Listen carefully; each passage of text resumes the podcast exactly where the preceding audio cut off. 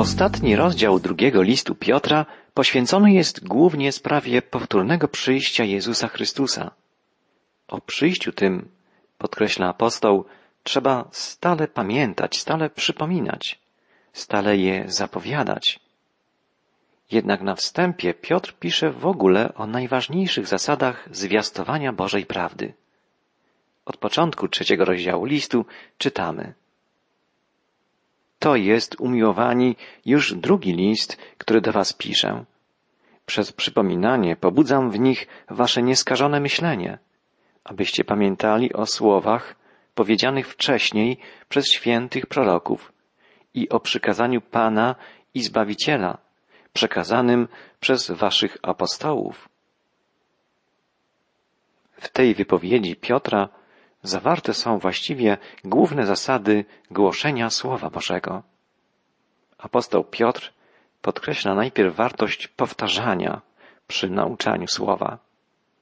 O wielu rzeczach trzeba mówić wiele razy, o ile mają one przeniknąć do umysłu słuchaczy i mają się w nich utrwalić. Przez ciągłe powtarzanie w umysłach dzieci formują się podstawowe zasady wiedzy. Jest to bardzo ważna sprawa. Nieraz uganiamy się za nowościami, chętnie opowiadamy nowinki, podczas kiedy potrzebne jest ciągłe powtarzanie najważniejszych prawd, które ludzie tak często zapominają lub nie zważają na ich wartość. Pewne rodzaje pożywienia nigdy się nie przejadają, chociaż spożywane są każdego dnia. Mówimy na przykład o powszednim chlebie. Pewne wielkie prawdy chrześcijańskie to duchowy chleb. Powinny być stale powtarzane.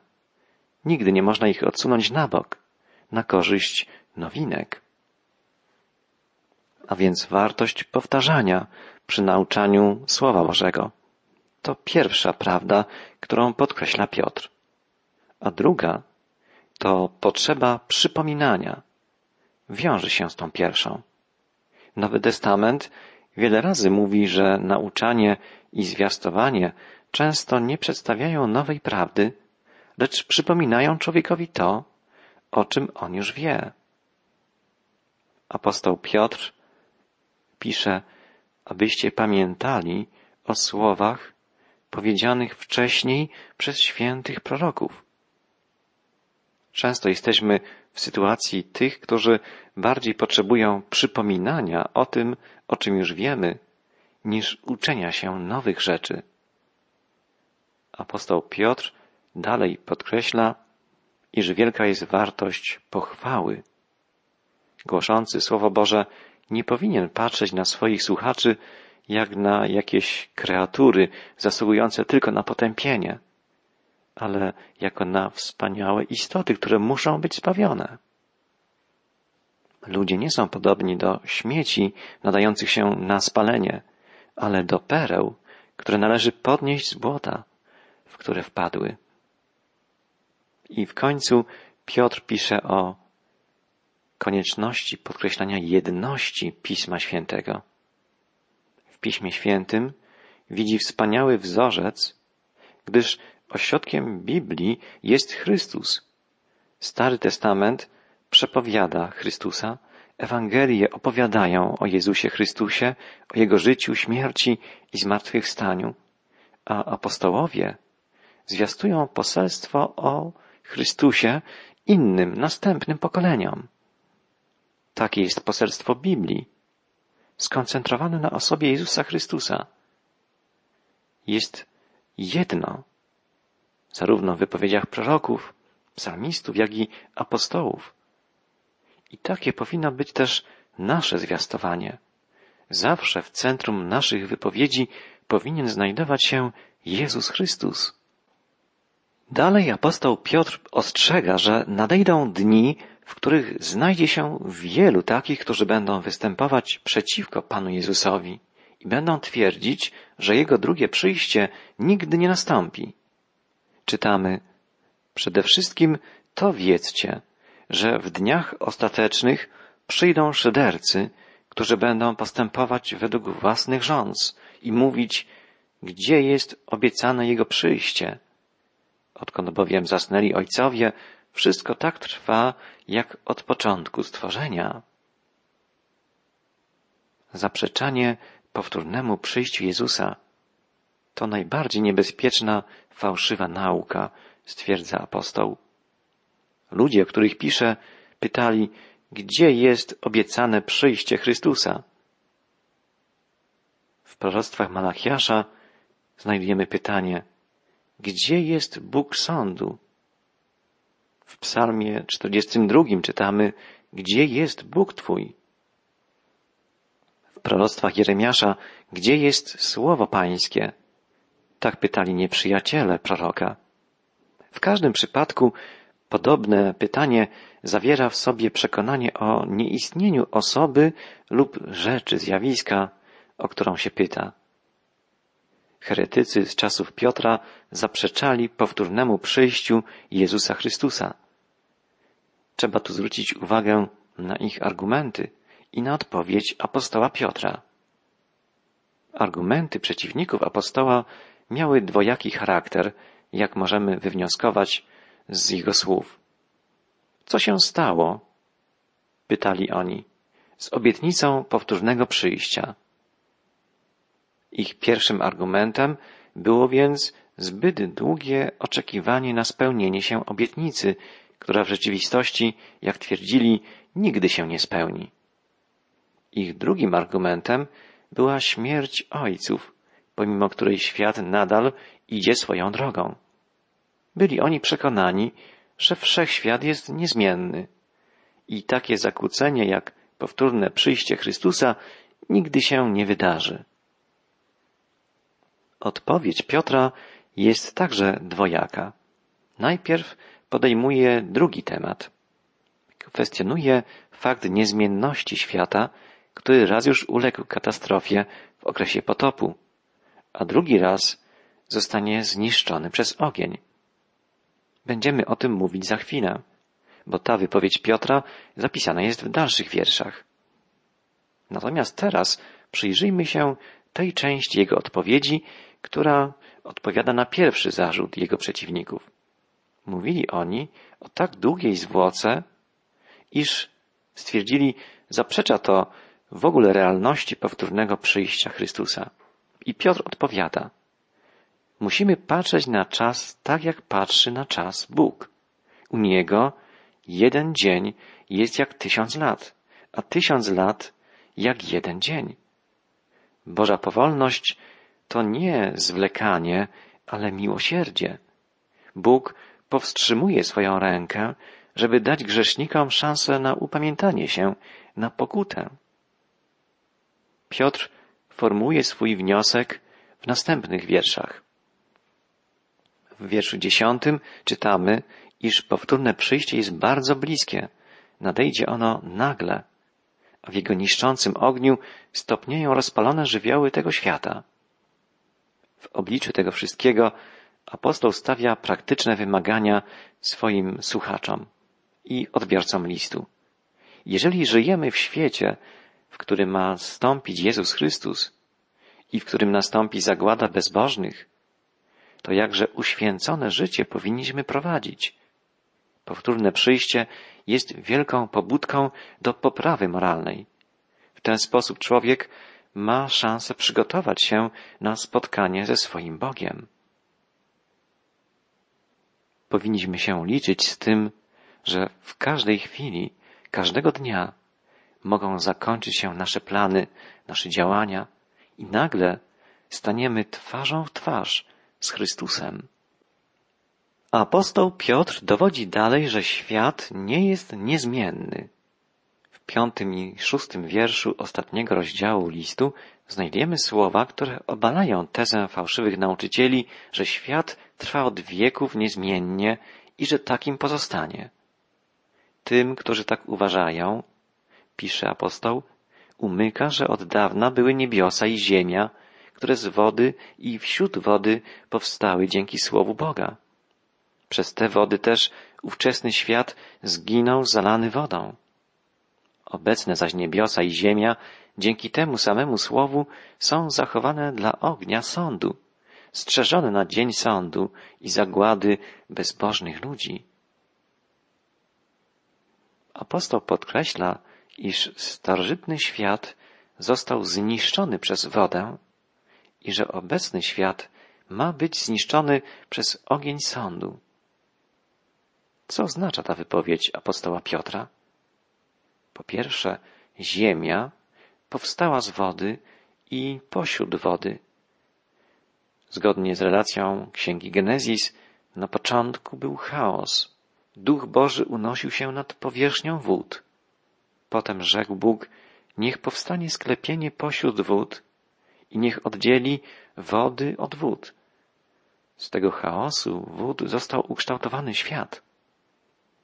Ponadto dzięki wodzie świat istnieje, ponieważ życie wywodzi się z wody i jest podtrzymywane przez wodę deszczów spadających z nieba. Piotrowi chodzi o to, iż świat powstał z wody, jest podtrzymywany przez wodę i że przez ten sam element wody starożytny świat został zniszczony w czasie potopu. Potop nie tylko zniszczył grzeszników, ale zniszczeniu uległa także ziemia, wszystkie stworzenia, które żyły na obliczu ziemi. Dlatego ostrzeżenie Piotra można rozumieć następująco. Mówicie, iż wszystko pozostaje takim, jak było zawsze i że tak zawsze będzie. Jednak swoją nadzieję budujecie na błędnym pojęciu niezmienności świata. Nie macie racji, ponieważ starożytny świat, będąc ukształtowany z wody i podtrzymywany poprzez wodę, zginął w wodach potopu. Możemy powiedzieć, że jest to bardzo dawne opowiadanie o potopie, przysypane dziejami tysiącleci. Ale nie możemy jednak powiedzieć, że dla nas nie ma ono znaczenia. Wydarzyło się naprawdę i jest dla nas ostrzeżeniem. Tkwi w nim niezmienna prawda, zauważalna przez człowieka czytającego historię z otwartymi oczami. Prawda polegająca na obowiązującym prawie moralnym w kontaktach Boga z ludźmi. Bóg osądza niegodziwość, nieprawość człowieka. Historia przekonuje o istnieniu w świecie prawa moralnego, którego naruszenie pociąga za sobą nieszczęście. Tego naucza apostoł Piotr, powołując się na przykład tragedii potopu. A dalej apostoł stwierdza, obecne zaś niebiosa i ziemia dzięki temu samemu słowu są zachowane dla ognia, strzeżone na dzień sądu i zagłady bezbożnych ludzi. Co ma na myśli Piotr, pisząc, iż dzięki temu samemu słowu obecne niebiosa i ziemia zachowane są dla ognia? Piotr ma na uwadze wiele wypowiedzi Starego Testamentu. Na przykład w proroctwach Joela widzimy wiele znaków na niebie i na ziemi, krew, ogień i słupy dymu, które mają ukazać się w Dniu Pańskim. Także psalmiści przedstawiali wiele razy obraz nadchodzącego Boga, którego będzie poprzedzać ogień pochłaniający. Izajasz mówił o płomieniu ognia pożerającego. Pan przyjdzie w ogniu, przy pomocy ognia i swego miecza dokona sądu nad całą ziemią. Czytamy w końcowej części księgi Izajasza. Prorok Nahum mówił o stopieniu się wzgórz i o spaleniu się ziemi w czasie, gdy on się pojawi. Jego gniew wyleje się jak ogień, wołał Nahum. W obrazie Malachiasza natomiast dzień pański jest podobny do rozpalonego pieca. Musimy tu zauważyć, że także greccy myśliciele, na przykład stoicy, uczyli o zniszczeniu świata poprzez ogień. Ale był to inny, bardzo ponury obraz. W ich przekonaniu wszechświat rozwijał się cyklicznie. Najpierw wszystko było spalane przez ogień, a następnie wszystko rozpoczynało się na nowo, dokładnie tak samo jak poprzednio. Grecy, stoicy mieli dziwne pojęcie o tym, że przy samym końcu cyklu planety ustawiały się dokładnie w takiej samej pozycji, jaką zajmowały na początku świata. Uważali, iż prowadzi to do pożogi i zniszczenia wszystkiego, co istnieje. Twierdzili, wtedy na nowo wszechświat staje się dokładnie taki sam, jak był przedtem. I znów Sokrates, Platon i każdy człowiek będzie żyć z tymi samymi przyjaciółmi, tymi samymi obywatelami. Będą przeżywać te same doświadczenia i zajmować się tymi samymi sprawami. Każde miasto, wioska i pole zostaną przywrócone do takiego stanu, w jakim były przedtem. To odnowienie wszechświata przez ogień nie dokonuje się jeden raz, lecz ciągle, przez całą wieczność, bez końca. Nie będzie niczego nowego, czego nie było przedtem, ale wszystko jest powtarzane aż do najdrobniejszego szczegółu. Tak uważali greccy myśliciele, stoicy. Historia jako wieczny młyn, niekończące się koło grzechów, smutków i błędów ludzkich. To jeden z najbardziej ponurych obrazów historii, jaki umysł ludzki kiedykolwiek wytworzył. Zawsze musimy pamiętać o tym, jak uważali prorocy izraelscy i sam apostoł Piotr, iż świat zostanie zniszczony przez Bożą pożogę, ale skutkiem tej katastrofy będzie nie unicestwienie, ani nie nieubłagane powtarzanie wszystkiego na nowo. Będzie to początek odnowienia. Po tym wydarzeniu nastąpią, będą utworzone nowe niebiosa i nowa ziemia. W biblijnym ujęciu w świecie istnieje coś niezniszczalnego. Jest to nowe stworzenie Boże. W ujęciu proroków agonia starego świata łączy się nierozerwalnie z bólami porodowymi świata nowego. Poprzez Bożą pożogę unicestwi On zło i ustanowi nowy świat. Świat wolny od grzechu, wolny od bólu i śmierci. Tak zapowiada zarówno Stary, jak i Nowy Testament. I tak bez wątpienia będzie. Stanie się tak dzięki zbawczemu dziełu Jezusa Chrystusa. W słowach apostoła Piotra słyszymy echo zapowiedzi wielkiego proroka Starego Testamentu Izajasza. W końcowej części księgi Izajasza znajdujemy takie słowa. Podobnie jak ogień pali chrust i sprawia wrzenie wody, obyś dał poznać Twe imię wrogom. Przed Tobą drżeć będą narody. Pan da poznać swoje imię wrogom. Będą przed Nim drżeć narody. Jest to zapowiedź czasu wielkiego ucisku, czasu Bożego Sądu nad narodami. Izajasz zapowiadał, że tak jak ogień sprawia, iż gotuje się woda, tak drżeć będą narody w obecności żywego Boga. Dzisiaj ogromna większość ludzkości odrzuca w ogóle myśl o istnieniu Boga. Wtedy, w Dniu Pańskim, ludzie uświadomią sobie, jak bardzo się mylili. Przekonają się, że Bóg ma moc, by osądzić świat i unicestwić wszelkie zło. U kresu historii dziać się będą rzeczy niezwykłe. Prorok wołał, obyś stąpił, by zatrzęsły się góry przed Tobą. Nadejście Boga będzie wydarzeniem tak niesamowitym, że trudno nam jest sobie wyobrazić Jego grozę. Prorok mówi obrazowo, iż w obecności żywego Boga będą się kłębić góry. W księdze Apokalipsy czytamy, że przerażeni ludzie będą wołać w tym czasie pagórki, przykryjcie nas. Czego od wieków nie słyszano, czego ucho nie słyszało i oko nie widziało, oprócz Ciebie, Boga, działającego dla tych, który go oczekuje.